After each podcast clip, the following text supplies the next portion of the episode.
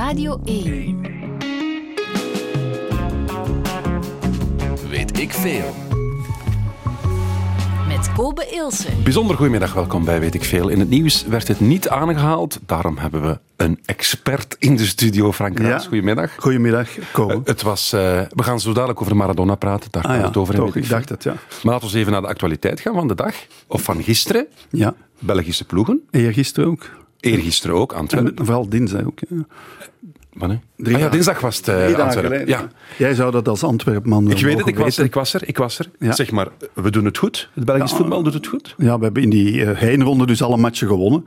En vooral Club Brugge op Osasuna, dat is toch wel een prestatie. En die doelpunten, mocht het ook zijn, zijn dat niet makkelijk in de eerste helft. Maar dat doelpunt van de Kuiper, moet ik zeggen, dat is wel om in- te kaderen. En Union toch ook weer gewonnen. Ja, Genk 2-0. heeft eigenlijk nog eens gewonnen. Ja, ja. ja nee, ik vind, en Antwerpen ook, hè, 1-0, het was wel eh, met... eh tussen hakken en de wurgen sloot en- enzovoort. ja, ja. En tien man enzovoort. Maar toch, ja, fantastisch verdedigd. Mhm. Nee, nee, het, is, eh, het was een volwassen prestatie van de Belgische teams. En er komt nog wel een terugronde natuurlijk. Hè. Eh, Wij liepen hier daarnet over de redactie van de Ja. VRT. Frank, je bent hier ondertussen hoe lang weg? Weg, joh. Ja, Hoe lang ben ik hier weg? Jaar of twee zeker. Ik heb vorig jaar nog wel een documentaire over het IJsseldrama gemaakt.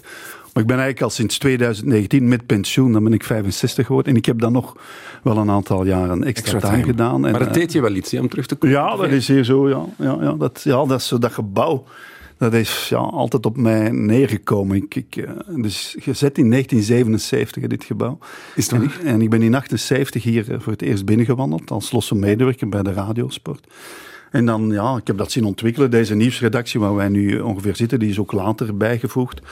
Ja, dat doet mij, ja, dat, dat is toch... Het ja. pakt, ik ja, ja, ik moet zeggen, dat is toch vreemd, ja. Ik ken hier de weg, ik ken hier de sluipweg, ik ken hier alles. Eh, Ik ken de elfde verdieping, de tiende verdieping. Ik maar het is, eh, het is... Ja, het doet me wel iets, ja. moet ik Ja. zeggen. Ik kan dat moeilijk omschrijven wat dat, dat is, maar dat is hoe lang? 40 jaar? Ja, al 42 jaar. Als je alles meetelt.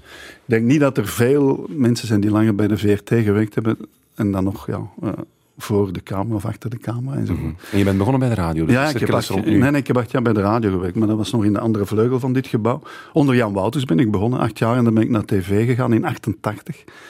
Maar ik ben begonnen in 78, in augustus of zoiets. Ja, ja. Mhm. Zullen we dan onmiddellijk de link maken naar ons onderwerp vandaag? Ja, zeker. Was er toen al sprake van Maradona in Ja, ja, 70? Ja, ja, natuurlijk, maar niet in Europa eigenlijk, meer in Zuid-Amerika. Het was 1978 is eh, Argentinië wereldkampioen geworden. Hè, in eigen land onder het eh, dictatoriaal regime van Videla. Dat was, hè, dat was echt wel eh, de junta, militaire junta. Maar Maradona was er toen al en het scheelde weinig of hij was er ook toen al bij geweest op 17, 18 jaar.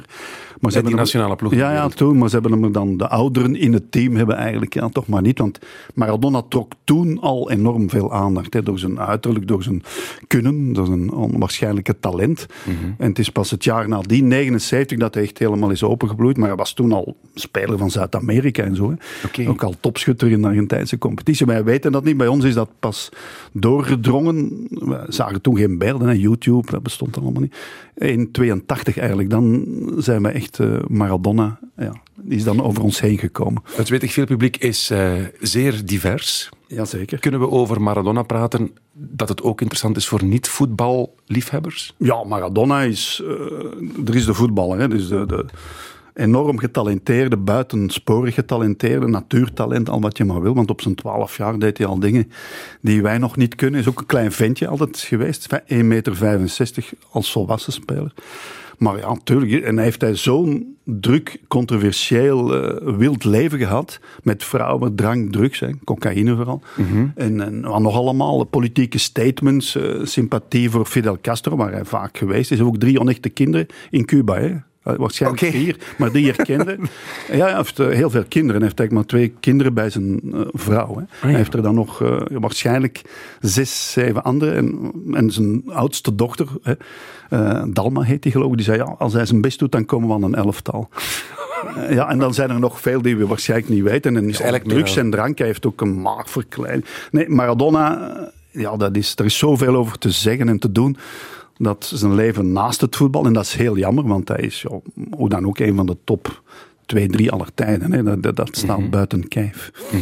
Je hebt ter voorbereiding van dit programma hoeveel biografieën nog eens Ja, er zijn er, eh, pff, ja, hoeveel weet ik niet dat er zijn, maar toch wel meer dan honderd. maar ik heb er een stuk of vijf, zes. Ik heb ook nog een aantal documentaires. Er zijn er ook eh, heel veel. En er is ook heel veel muziek gemaakt over hem. Bijvoorbeeld door eh, Manu Chao, La Vida Tombola. Dit is weet ik veel. Zeer fijn dat u luistert. Hartelijk welkom.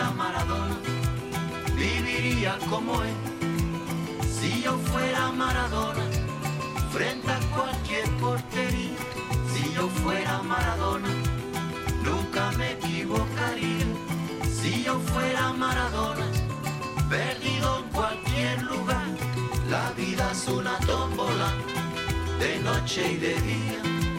La vida es una tómbola, y arriba y arriba. La vida es una tómbola, de noche y de día. La vida es una tómbola, y arriba y arriba. Si yo fuera Maradona, viviría como él.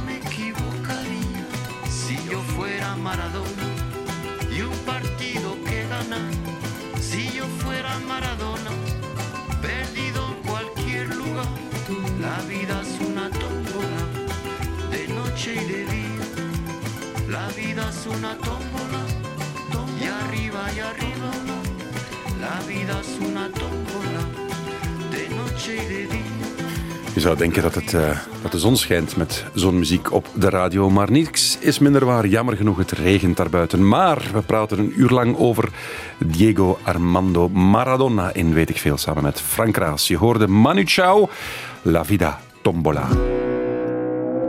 Frank Raas, Ja. bij mij in de studio. Karel Huibrechts heeft hem ooit geïnterviewd, Maradona, Ja, samen met Juan Lozano. als tolk. Toch, ja, die sprak Spaans en Karel iets minder. Wel, we hebben, eh, we hebben het klaarstaan. Het is wel leuk om terug te horen.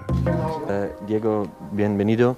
Eh, Juan, het eerste seizoen van Diego in Europa is niet zo'n groot succes geweest. Hij heeft heel veel tegenslag gehad, hè? onder andere geelzucht. Vraag is of het voor hem een grote ontgoocheling is geweest. Mm, dice que tu primera temporada en Europa no ha sido lo que se esperaba porque por las enfermedades que he tenido, la lesión y todo, que ha sido un poco una desilusión para ti. No, desilusión no, es, una satisfacción más que nada porque eh, jugar en el Barcelona eh, significa, significa mucho para mí. Ja, Een fragment van 40 seconden en we horen Maradona letterlijk 5 of 6 seconden. ja hij vond dat ook een beetje vervelend. Hij was toen in Zuid-Amerika, zoals ik daar straks al een enorme vedette. Hij is daar ook bijna gaan lopen. Was daar al opgejaagd wild in Argentinië. Maar in Europa, wij kennen hem niet. En hier, dit is een, eh, een verjaardag van eh Anderlecht, 75 jaar geloof ik. Dat hij toen een wedstrijd met Barcelona kwam spelen op Anderlecht. Ah, oké. Dat moet ja, ongeveer de enige keer zijn dat hij in België gevoetbald heeft. En was het dan vechter op de sportredactie? Wie mag hem gaan interviewen?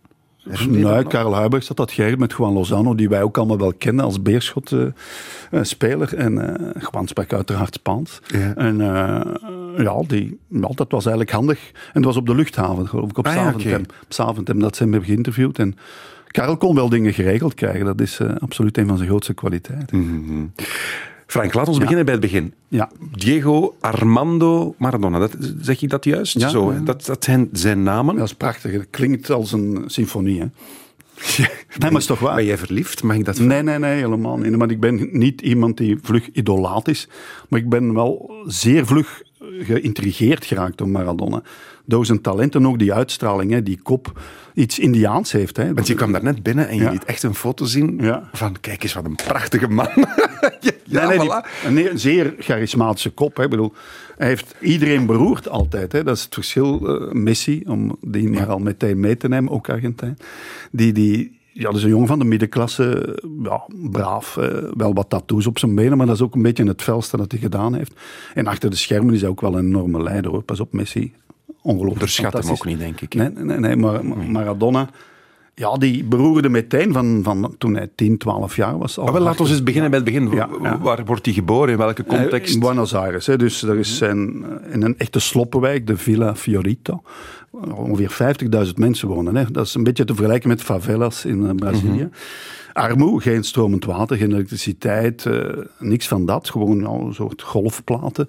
Daar is hij eh, opgegroeid en daar is hij ook beginnen voetballen op een pleintje in de buurt. Het cliché van de pleintjesvoetballer. Ja, ja, ja. maar pleintjes. Allee, of de- met, met ja. een voddenbal, met, met papier, met alles voetbalde hij. Want, en hij is dan op zijn twaalfde al meteen eh, bij de wedstrijd van Argentinos Juniors, dat is zijn eerste echte team. Tijdens de rust hield hij de bal, hoor, 15 minuten lang, en was hij al een attractie. Toen al. Voor hij echt ja, bij de profs ging voetballen. Op zijn zestiende is hij dan uiteindelijk En welk gedebuteerd. jaar zitten we ongeveer? Wanneer wordt hij hij is geboren? geboren in is 60 jaar geworden, dus in eh, ja, 60 zeker. Ja, ja. Ah ja, ah, ja, hij is 60 geworden. En hij is in 1960 geboren, op 30 oktober. Dus overigens ook een kerk in Argentinië, de Maradona-kerk. En daar is één, de eerste dag van het jaar is daar 30 oktober. Dat bestaat echt, hè. die hebben 250.000 volgers. Hè. Dus Maradona, dat is... Wacht, altijd- dus die, die rekenen Ja. in, eh, qua jaartal Ja. in... Dat is begonnen als een parodie, maar dat is dan ernstig geworden. Je kunt daar gaan trouwen. Hè. Dat is ergens eh, in de buurt van Rosario, stad in eh, Argentinië. Oké. Ja, Rosario is trouwens de stad van, van Messi. hè. Maar dat doet er niet toe. Maar hij is in armoede geboren. En ook in een buurt, in een wijk, ja, waar ook criminaliteit, drugs ook al de ronde deden. Toen had hij nog geen verslaving, hè, dat moet er wel duidelijk zijn. Maar hij was al meteen een attractie. was een heel klein ventje met die ragebol, El Pelusa. Dus de, de, ja, pluisje zeggen wij dan in het Nederlands, maar dat klinkt veel minder goed dan Pelusa. Ja, dat was zijn bijnaam, hè? Ja, het pluisje, omdat, dat heeft met die ah, haar... Je laat nu de foto van het boek alweer Ja, ja. zien. Je bent, echt, je bent echt gefascineerd. Het is wel een mooie haardos. Het is echt Prachtig, is een Indiaan. Hè? En ook zijn vader en zijn moeder waren eigenlijk niet van Buenos Aires. Wel in een gebied, Corrientes, eh, 800 kilometer noordelijker. Ik ben er nog niet geweest.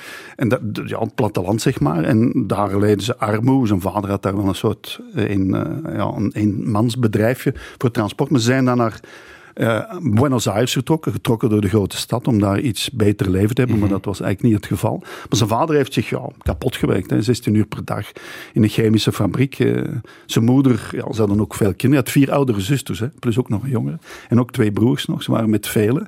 Maar hij was ja, op een bepaald moment, vanaf zijn 15, 16, is hij het geld gaan verdienen. En zijn ze ook verhuisd naar een iets betere buurt in eh, ja, Buenos Aires. Maar die Villa Fiorito, dat is altijd wel de basis van Maradona gebleven. De armoede. Ze kijken daar ook op neer. Hè. Dat waren ja, een beetje bruinen eigenlijk, zoals ze dat daar zeggen.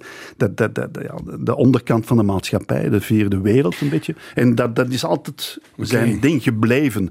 Hij is altijd voor de de kleine man blijven opkomen, omdat hij zelf daar ook uit eh, vandaan kwam. Nadien natuurlijk is hij ook rijk geworden en werd hij wel aanvaard, omdat hij zo goed kon voetballen.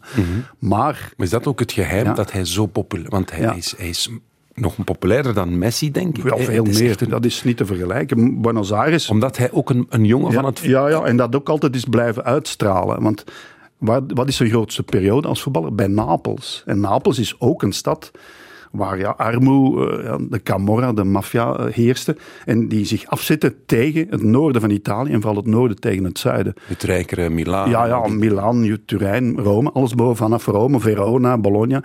De die keken ook neer. hè. Dat was een minder waardige mensensoort, die van Napels. Hè. Dat was het Afrika van, van Italië. Je hebt de Lega Nord. Ik moet hier nu niet de politieke situatie van Italië helemaal uit de doeken doen. Maar het zuiden is arm en er werd op neergekeken. Een soort racisme, wat ook in, in Argentinië bestond hè, tegenover bepaalde. Want dat is een rechtsregime en blanken. En, ja, Zou je kunnen zeggen dat, dat was hij slim? Of ja was streetwise. Zo, was- streetwise, maar was het een... Was het een allee, Geen intellectueel, Nee. absoluut niet. Nee, dat heeft ook nog denk, school en zo. Dat vind je niks in al die biografieën. Alle Die- 15 Ja, ja, 105. Er wordt niks over school of zo. Dat is altijd voetballen. En, dus er wordt, nee, de man heeft, heeft ja, wel, spreken... ja, naar school geweest zijn. Hij is ook in een normaal ziekenhuis eh, ja, geboren geworden. Dus Ja, ja, oké. dat is allemaal eh, ook...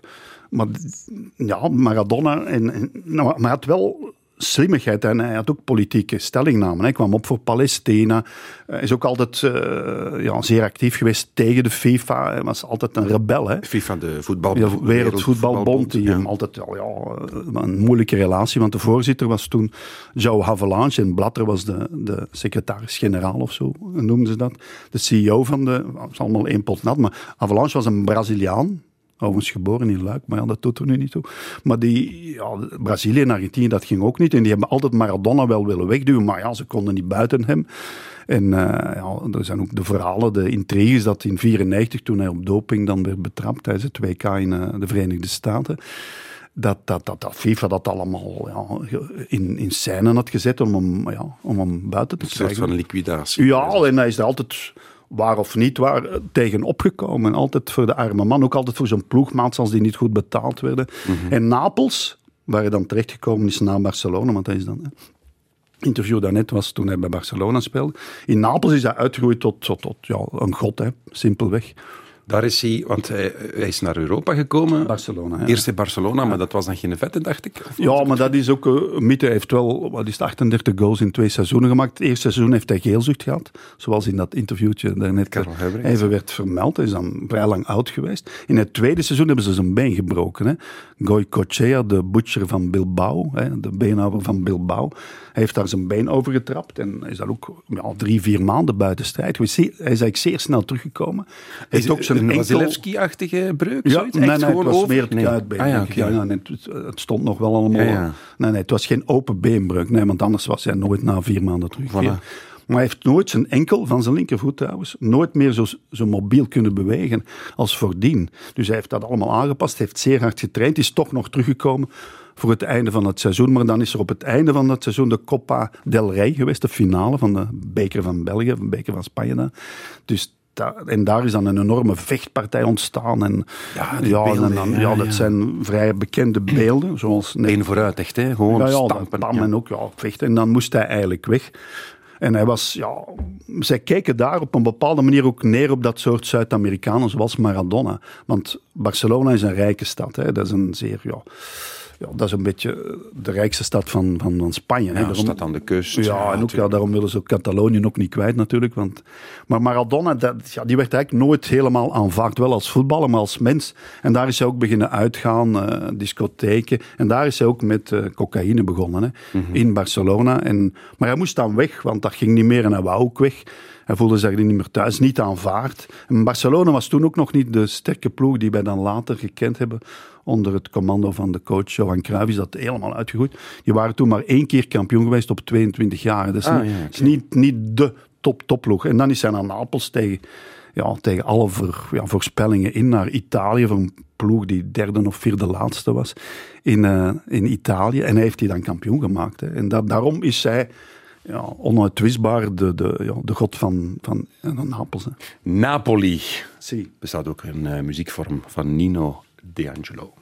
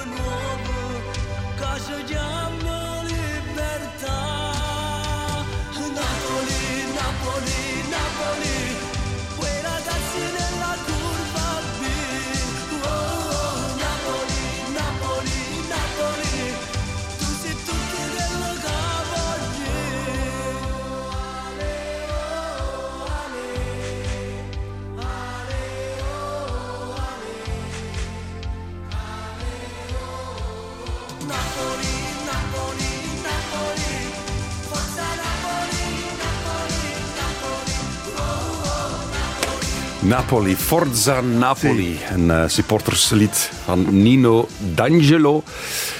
En weet ik veel over Maradona met eh, Frank Raas, onze bekendste voetbalstem.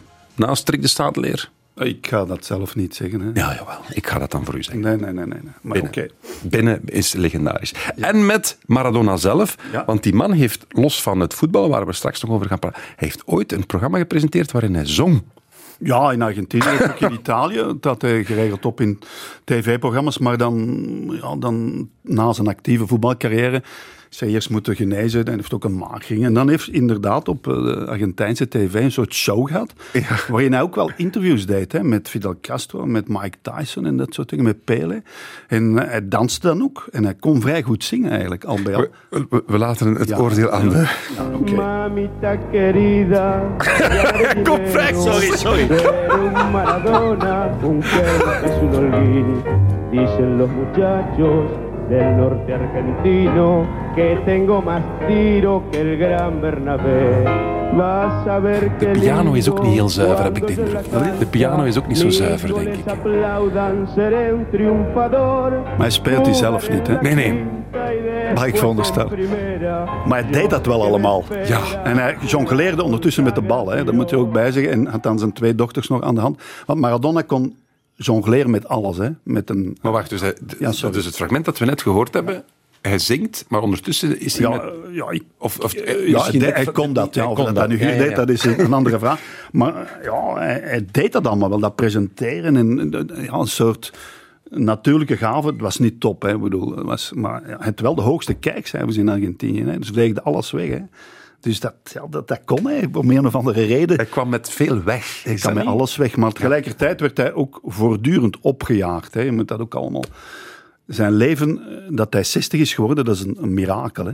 Want met al die drugs en want ook ja, alcoholverslaving, eh, al wat je maar wil. En cocaïne, vanaf Barcelona tot het einde van zijn leven eigenlijk. Hè. Waarom verafgoden we iemand die inderdaad Ja, zijn vrouw waar. bedriegt aan eh cocaïne? 200 per uur, ja, 200, ook, ja, ja, wat- ja, prostituees, alles. En, Hoe kom, hoe, hoe, Ja, verklaar omdat- dan toch eens die... die, die Ja, dat is moeilijk. Maar Eduardo Galeano, dat is een Uruguayaanse schrijver, die heeft er veel stukken over geschreven.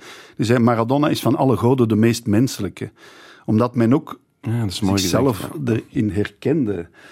Hè, dus dat, dat, al die fouten, de mens maakt fouten. En Maradona deed niet anders dan. Want hij deed alles wat God verbood. Maar hij werd wel als een God aanbeden. En ook ja, zijn, de vondst, hè, de doelpunt tegen Engeland met de hand. De hand van God.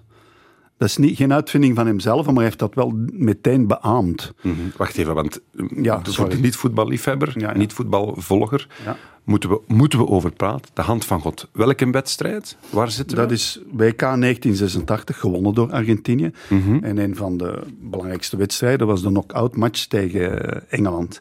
In het Aztekenstadion in Mexico. Was jij daar? Nee, ik was er niet. Ik zat toen op Wimbledon voor tennis. Ik werd toen Jan Wouters naar Wimbledon gestuurd. Daar was ik niet. Ik was er wel in 82 en in 90, maar niet in 86. Maar ik heb dat wel allemaal gezien. Ja. En eh, ja, België speelde daar ook tegen. Sovjet-Unie, dat is dat toernooi. Hè.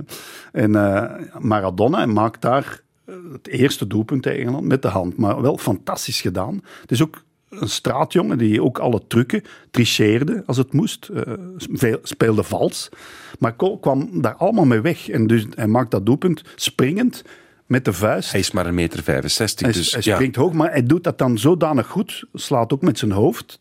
Dat allemaal Want hij maakt zich groter eigenlijk door de bal met zijn vuist in, in, in de goal te boksen. Ja, maar hij beweegt dan zo met zijn hoofd, al- alsof het lijkt dat het met het hoofd is. En hij heeft al die trucken geleerd, ook op straat. hè. Ik bedoel. Ja. En, en, ja, en nadien maakt hij dan het allermooiste doelpunt van de 20e eeuw. Sorry. Eerste hand van God, Frank. Ja, Maradona, Kempes, Maradona. Ja, zou dan Maradona toch maar in mijn ploeg opnemen? Maradona krijgt hij nog terug ook. En scoort hij met de hand? Scoort hij met de hand? Dat is de vraag die door de scheidsrechter en de grensrechter meteen wordt beantwoord. En ik denk ja. Ik denk ja. En ja, met de hand is dat toch? Maradona! Oh! Oh, oh, alle twijfel is weg. Dit is de beste voetballer van het wereldkampioenschap voetbal. ja. Het was nog voor de VAR dus. Ja, de VAR, daar was nog geen sprake van. En ook, hij deed dat zo goed. En Theo Rijtsma, want op de VRT werd toen ook NOS-commentaar uitgezonden. Dat was een soort samenwerking. Die had het gezien, want die zag ook zeer goed. Ja, je hoort het, Ja, ja, je hoort het hem echt gezien, zeggen. Van, Ja, en ook Maradona, die deed alsof er niks aan de hand was. Die juichte meteen en vroeg zijn ploegmaats, kom erbij, want het moet hier echt lijken. Ja, en nadien is er dan ja, de hand van God. En dan net tegen Engeland. Tegen Engeland met de Malvinas, ja, dat is dan nog een andere. De Falklandoorlog, Voilà, ja. die eh, rond 1982 is losgebarsten. Het WK vier jaar voordien in Spanje. En eh, ja, dat, dat, is een conflict hè, dat gewonnen is door Engeland. Want Malvinas, dat is een eilandengroep, de Falklands, voor de kust van Argentinië. Maar dat is een soort legerbasis, een soort uitvalsbasis voor de Britse troepen. Die hebben dan ook die Argentijnen weggeveegd. En in, die sfeer is ook het WK van 1982 verlopen. En ook slecht afgelopen voor de ploeg Argentinië. Maradona heeft daar ook een rode kaart gekregen. Verloren van België met de 1-0. Doelpunt van Erwin van den Berg. Maar dat is vier jaar eerder. En dan was een soort revanche ook op Engeland. En in Engeland, ja, Maradona, daar wisten ze nooit goed weg mee. Ze vonden dat wel een fantastische voetballer. Gary Lineker bijvoorbeeld. Hij heeft altijd zijn lof gezongen, maar tegelijkertijd was hij ook een, ja, een tricheur, een, een valspeler. Dat is altijd zeer dubbel geweest. hè. Maar dat toernooi heeft zelfs die... Is, is het diezelfde wedstrijd dat hij zijn mooiste goal... Ja, ja, al- of- dat is dezelfde. Voilà, diezelfde Ja, wedstrijd. iets later maakt hij dan het doelpunt van de eeuw. Hè, maar Wel, de is- mooiste goal aller tijden? Ja, het is moeilijk om te zeggen. zijn maar- er nog, maar Messi heeft er ook wel zo eentje gemaakt die bijna een kopie is. Hij begint op de eigen loopt iedereen eraf en ja, schijnbewegingen. En ook mannen die meelopen van zijn eigen ploeg, Valdano bijvoorbeeld, ja, die gebruikt allemaal als afleidingsmiddel. En hij Ja. had dat allemaal gezien, want het, dat moet ook wel gezegd worden, Maradona was niet alleen maar een acrobaat met de bal. Hij zag ook alles. Hè. Wat een soort eh, telescopisch zicht. Ja, Hij voelde alles en dat allemaal van nature. Het was een uitzonderlijk natuurtalent. Hè. En ondanks al die cocaïne-toestanden. Het is merkwaardig dat hij eh, zo fantastisch nog kon voetballen, ondanks alle onhebbelijkheden en, en ja, ziektes en blessures en verslavingen erbij. Dit, het blijft mirac- miraculeus. In 82 heeft België gewonnen van Argentinië. In 86 hebben we er dan ook tegen Ja, gespeeld. halve finale verloren met 2-0. Twee doelpunten van Maradona. Dat is eh, de match na Engeland, hè, of na Spanje. En dan, eh je even denken, ja, ja, ja, om het even te tellen. Ja, dus Engeland Ja. en dan eh, tegen Argentinië. in En die. Belgische, welke Belgische generatie was dat? Dat is Keulemans, eh, Van den Berg, Ja. eh, die generatie. Ludo Koek, Gerrit. Gerrit. ja. Ja. Koek eh, die was geblesseerd toen, maar die, ja, die, ja, Want België mocht naar die was er wel, wel bij, ja. En ze hadden toch aan... eh, ik wil een bruggetje maken naar de volgende plaat. Frank Waar Raas. zitten we nu, 82 of 86? 86. Ja. Wel, Wat was het nummer van 86 voor de Rode Duivels? De Rode Duivels gaan naar Mexico, veronderstel ik. Van wie? Wil Tura. Absoluut. Arthur Blankaart. Moeten we toch, moeten we toch nog eens geven? Je, je, ja, je buigt het hoofd, Frank. Is prachtig. De rode duivels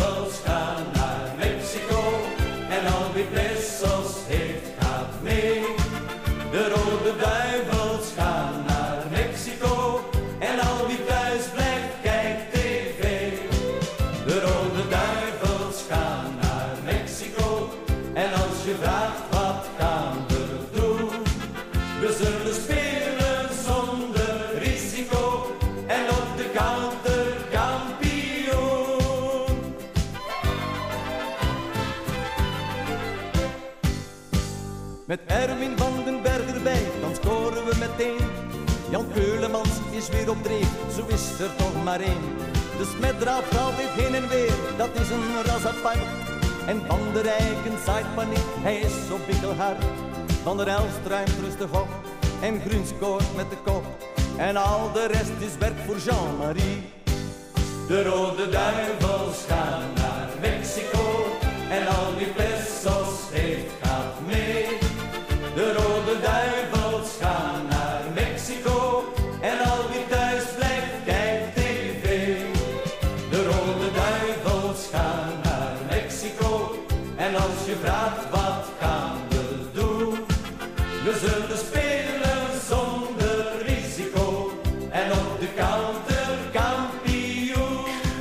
Dat is toch een remake van de Rode Duivels gaan naar Spanje? Nee, Ongetwijfeld, ja. ja. Nee, Ja, dat. Spanje was dan 82. 82, ja. Dus ze hebben dat gewoon eh, nog eens opnieuw gebruikt, maar dan met Mexico. Gewoon Slim, hè? slim, slim. Ja. Je hoort Frank Raas in weet ik veel over Diego Armando Maradona.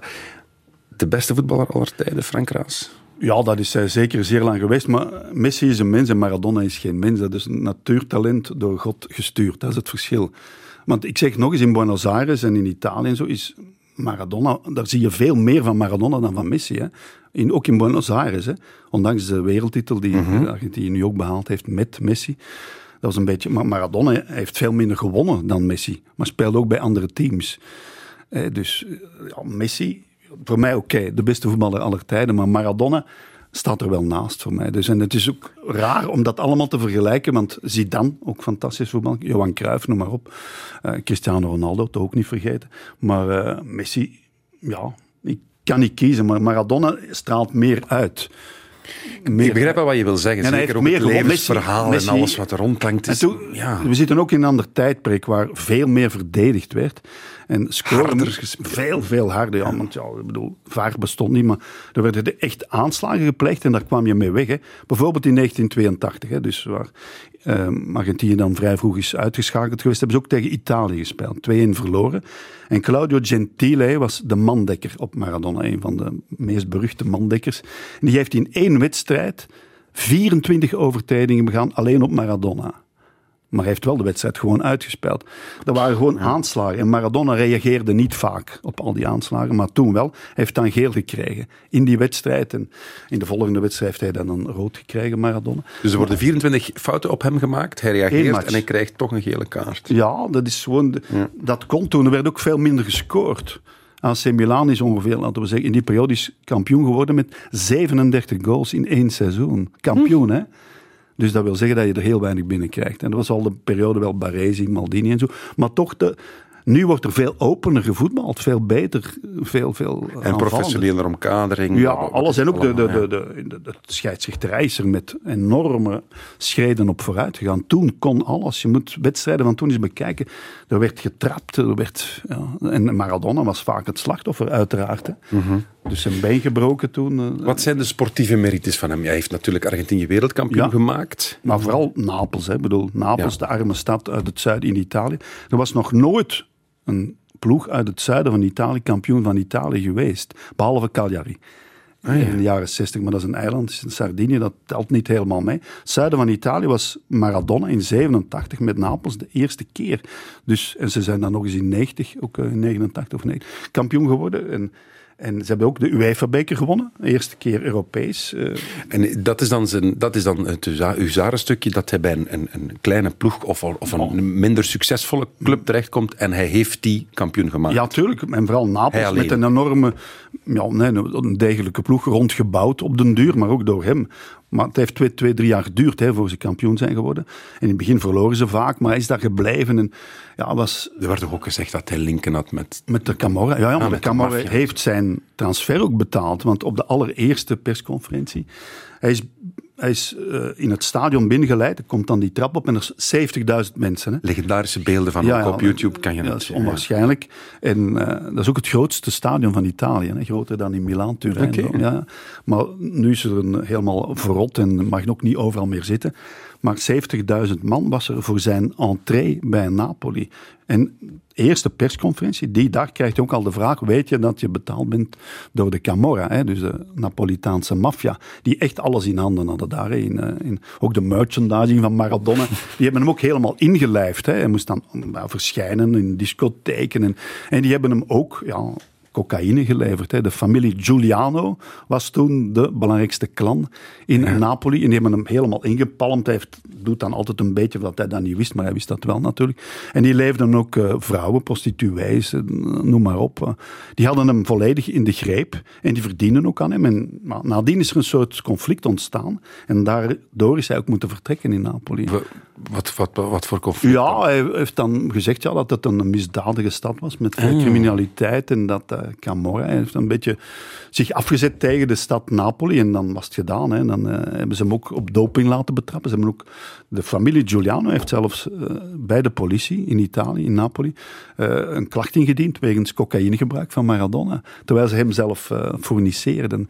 Dus nee, dat, hij had ook vier processen aan zijn benen. En belastingontduiking erbij. En eh, eh, iets met prostituees. Ze hebben, dan, ze hebben hem dan geliquideerd eigenlijk. Hè. En dan is dan vertrokken uiteindelijk naar Argentinië terug. Hè. Ja. Waar heeft hij zijn, zijn eh, hoe heet dat, zijn, zijn voetbalschoenen aan de haak hangen. Hoe heet dat nu weer zo in, in het jargon? Voetbal? shoes. Zijn shoes, wou ik Ja, zeggen. voetbal, kiksen zeggen ze in Kiks. Nederland, voetbalschoenen. Ja. Ja, hij is dan, eh, is dan geschorst geweest wegens dopinggebruik ook. En, eh, en dan nog eens in, hij ging naar Argentinië, daar hebben ze hem dan ook opgepakt. Maar dat was zeer vreemd. Hij was ergens in een huis in, in Buenos Aires. En de politie komt hem oppakken, maar er stonden twintig cameraploegen bij. Dat is live op tv geweest. Dat kun je bijna niet voorstellen. Dat ze hem oppakten. Ja, ja dat is, en dan zijn die bekende beelden dat hij in de auto achteraan zit, zo heel verschrikt met bange ogen. En, eh, want ik heb ook ooit een documentaire gemaakt over Maradona van anderhalf uur eh, in de begin jaren negentig ergens. En die beelden, dat zijn de eerste beelden van die documentaire. En, Je hebt een belangrijke rol gespeeld in... Ja, jawel. ik weet waar je naartoe gaat. Ja, het is een cliché als je met Ja. Frank Raas over Maradona praat. Moet je het op een bepaald moment over een montage hebben. Ja. Die ondertussen op YouTube miljoenen keer is bekeken. Dus ik hoop dat uw sabam in orde is. Nee, nee. Anders moest ik hier niet zitten. Dan Vertel eens, kon ik de Malediven kopen. waar heb ik het over? Ja, dus eh, ze hebben de UEFA-beker gewonnen. Zo heette dat toen nog, was een finale heen en terug tegen Stuttgart. Maar in de halve finale hadden ze gespeeld tegen Bayern München. Eerst in Napels, gewonnen. En dan de terugmatch in München in het oude Olympische stadion. Met een zeer groot tv-scherm toen al. Een enorm eh, LED, eh, ik weet niet wat, scherm. En Maradona, een uur voor de match, begint op te warmen. En er was een eh, soort coverband op de piste aan de rechterkant. Ik zie het nog altijd. Jij was er. Ik was daar voor de VRT om die Ja. match te verslaan. En eh, Frank Arnesen stond nog naast mij, dat weet ik nog zeer goed, de, de Deense voetbal, die voor tv werkte voor Denemark. En Maradona begint daar te jongleren op het ritme van Life is Life, hè, de- van, van de groep Opus. Mhm. En die, ja, die kan dat, ja, hij was natuurlijk, hij deed eigenlijk heel zijn leven al niet anders. En Dus hij heeft zijn trainingsvestje nog aan. ja, het ja, opwarmen. en die anderen Ja. die zijn zo echt aan het rondlopen, aan het stretchen. En hij begint zo met de bal en hij doet daar dingen die een normale mens niet kan.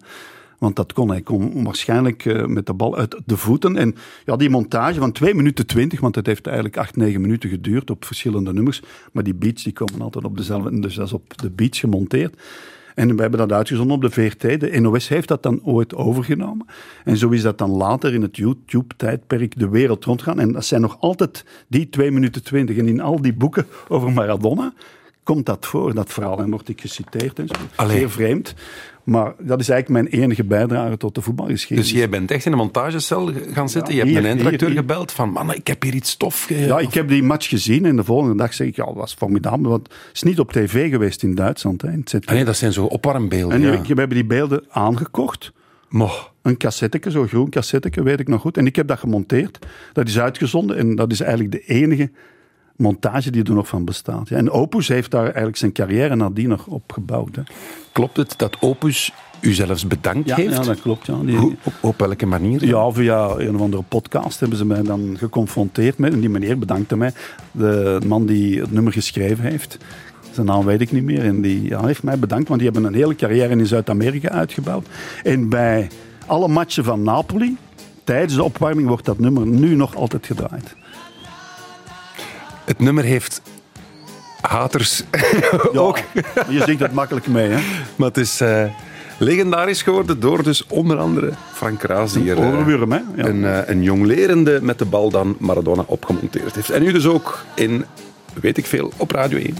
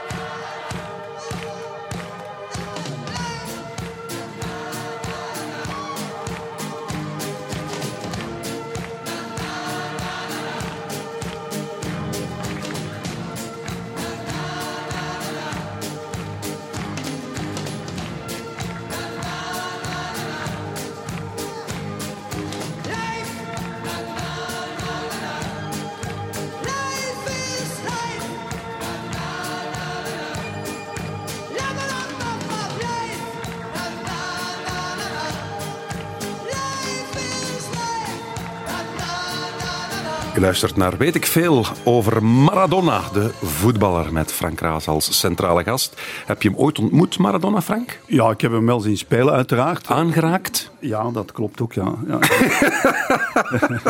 de persconferenties van Maradona die werden altijd ja, door honderden mensen bijgewoond. Cameraploegen, fotografen, journalisten.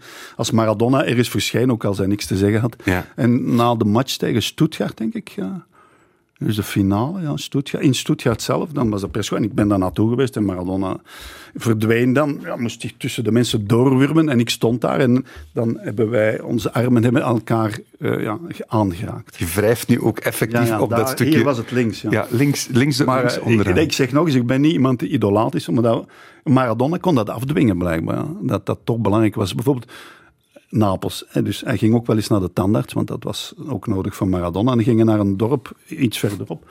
En dat lekte dan toch uit en dan stond daar meteen 3000 man aan die eh, praktijk van de tandarts en zo. Dat soort dingen. Hij is dan ook ooit, hij heeft ook nog bij Sevilla gespeeld, nadat hij bij eh, Napoli was weggestuurd, zou ik maar zeggen.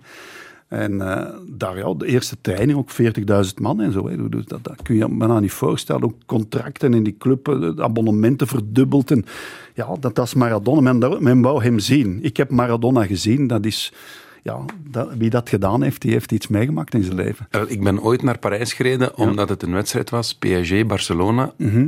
Eh, en het was David Beckham stond nog op het veld, Ibrahimovic, Messi en Neymar. Ja. En ik ben toen ook speciaal naar daar gereden omdat ik, wou Eens Beckham, gezien hebben. Ja. Beckham en Messi. Ja, ik begrijp het wel hoor. Ook, Ja, maar Maradona, fan, gaat dat, dat is maal 20. Hè. Ja, is- uiteraard, dat is nog iets heel maar die mens is zo opgejaagd geweest in zijn leven, die kon niet buiten komen. Of Was, die, was hij gelukkig, denk je? Heeft nee, die nee, mens... nee, nee, nee, nee, Hij is Nee? depressief, hij is ook chronisch depressief en zo. En door het gebruik van de cocaïne, dat hij al vele keren afgekikt, teruggekomen, afgevallen, ook verdikt.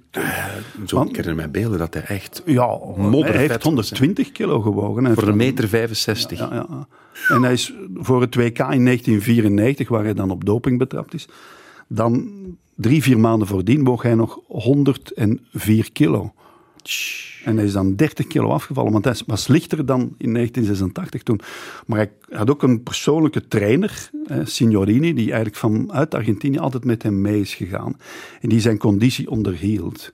En ja, die mens heeft met hem gewerkt en hij kon ook zeer hard trainen, wou altijd wel terugkomen, kroop altijd weer uit de put. Hè. Dat, Ja, ja. dat is onvestelbaar. Eh, WK 94, dat is toch dat beeld dat hij zo in de lens kijkt. Dat hij zo naar de Griekenland camera scoort, loopt. hè, Ja. Fantastische goal. En, maar hij heeft dan nog een match tegen Nigeria gespeeld. En dan is hij eh, ja, onderworpen aan een dopingtest. En dan, dan was het gedaan. Maar eigenlijk was dat gewoon een ver- vermageringsmiddel. Efedrine en pseudo-efedrine. was eigenlijk geen zwaar middel. Dat was eigenlijk toegestaan in de Verenigde Staten, ook in Argentinië. Maar niet van de FIFA. En dat is een middel dat, dat, dat eigenlijk niet zo... Dat is niet echt doping. Ah, ik dacht dat het, dat het cocaïne was. ah, oké. nee, efedrine. efedrine. Ah. En cocaïne heeft eigenlijk nooit middelen genomen om beter te voetballen. Integendeel, want het is ondanks de cocaïne heeft hij nog altijd fantastisch gevoetbald. En die efedrine was om af te vallen omdat hij ja, anders geen, niet wedstrijd- wedstrijdfit en dan na, hij is dan geschorst geworden uiteraard na 1994 en dan heeft het zeer lang geduurd. Is het ook in Cuba beland om daar eh, af te kicken enzovoort. En daar heeft hij dan ook eh, drie, vier kinderen gemaakt. Dan heeft hij nog eh, wat ploegen gecoacht Ja, met succes. Of Nou, niet echt. Hè. Hij is uiteindelijk ook coach van Argentinië geweest hè, in 2000. Ja, in hij 2000 heeft Messi nog gecoacht. Tuurlijk, 2010. Maar dat was na een hele eh, ja, odyssee naar clubs. Hij is ook nog voorzitter geweest, kun je je dat voorstellen, van een voetbalclub in Wit-Rusland. Voorzitter van een Bij voetbalclub. Brest was dat heeft allemaal niet lang geduurd. Dat was ook allemaal... Die mensen trokken hem aan om, om, om geld te verdienen, uiteraard. Hij is Saudi-Arabië coach geweest. eh, In Mexico, tweede klas, Sinaola. Dat, dat is een mooie reeks over, van zes, in zes delen, die op Prime Amazon te bekijken is. En er is natuurlijk ook de fantastische documentaire van Asif Kapadia, die ook over Amy Winehouse en een Ja, Senna ja, ja. documentaires gemaakt heeft. En ook over Maradona. Die is niet zo lang geleden in de cinema geweest bij ons in de bioscoop. En dat zijn allemaal beelden van Napoli. Dat is een periode Napoli. En, want Maradona had ook altijd voortdurend een, cameraman in de buurt. Want ooit gingen ze daar eens iets mee doen. Dat is nooit gebeurd. Maar die beelden zijn wel vrijgegeven. En dan zie je hem ook inderdaad in discotheken met die mannen van de Camorra, van de maffia en zo.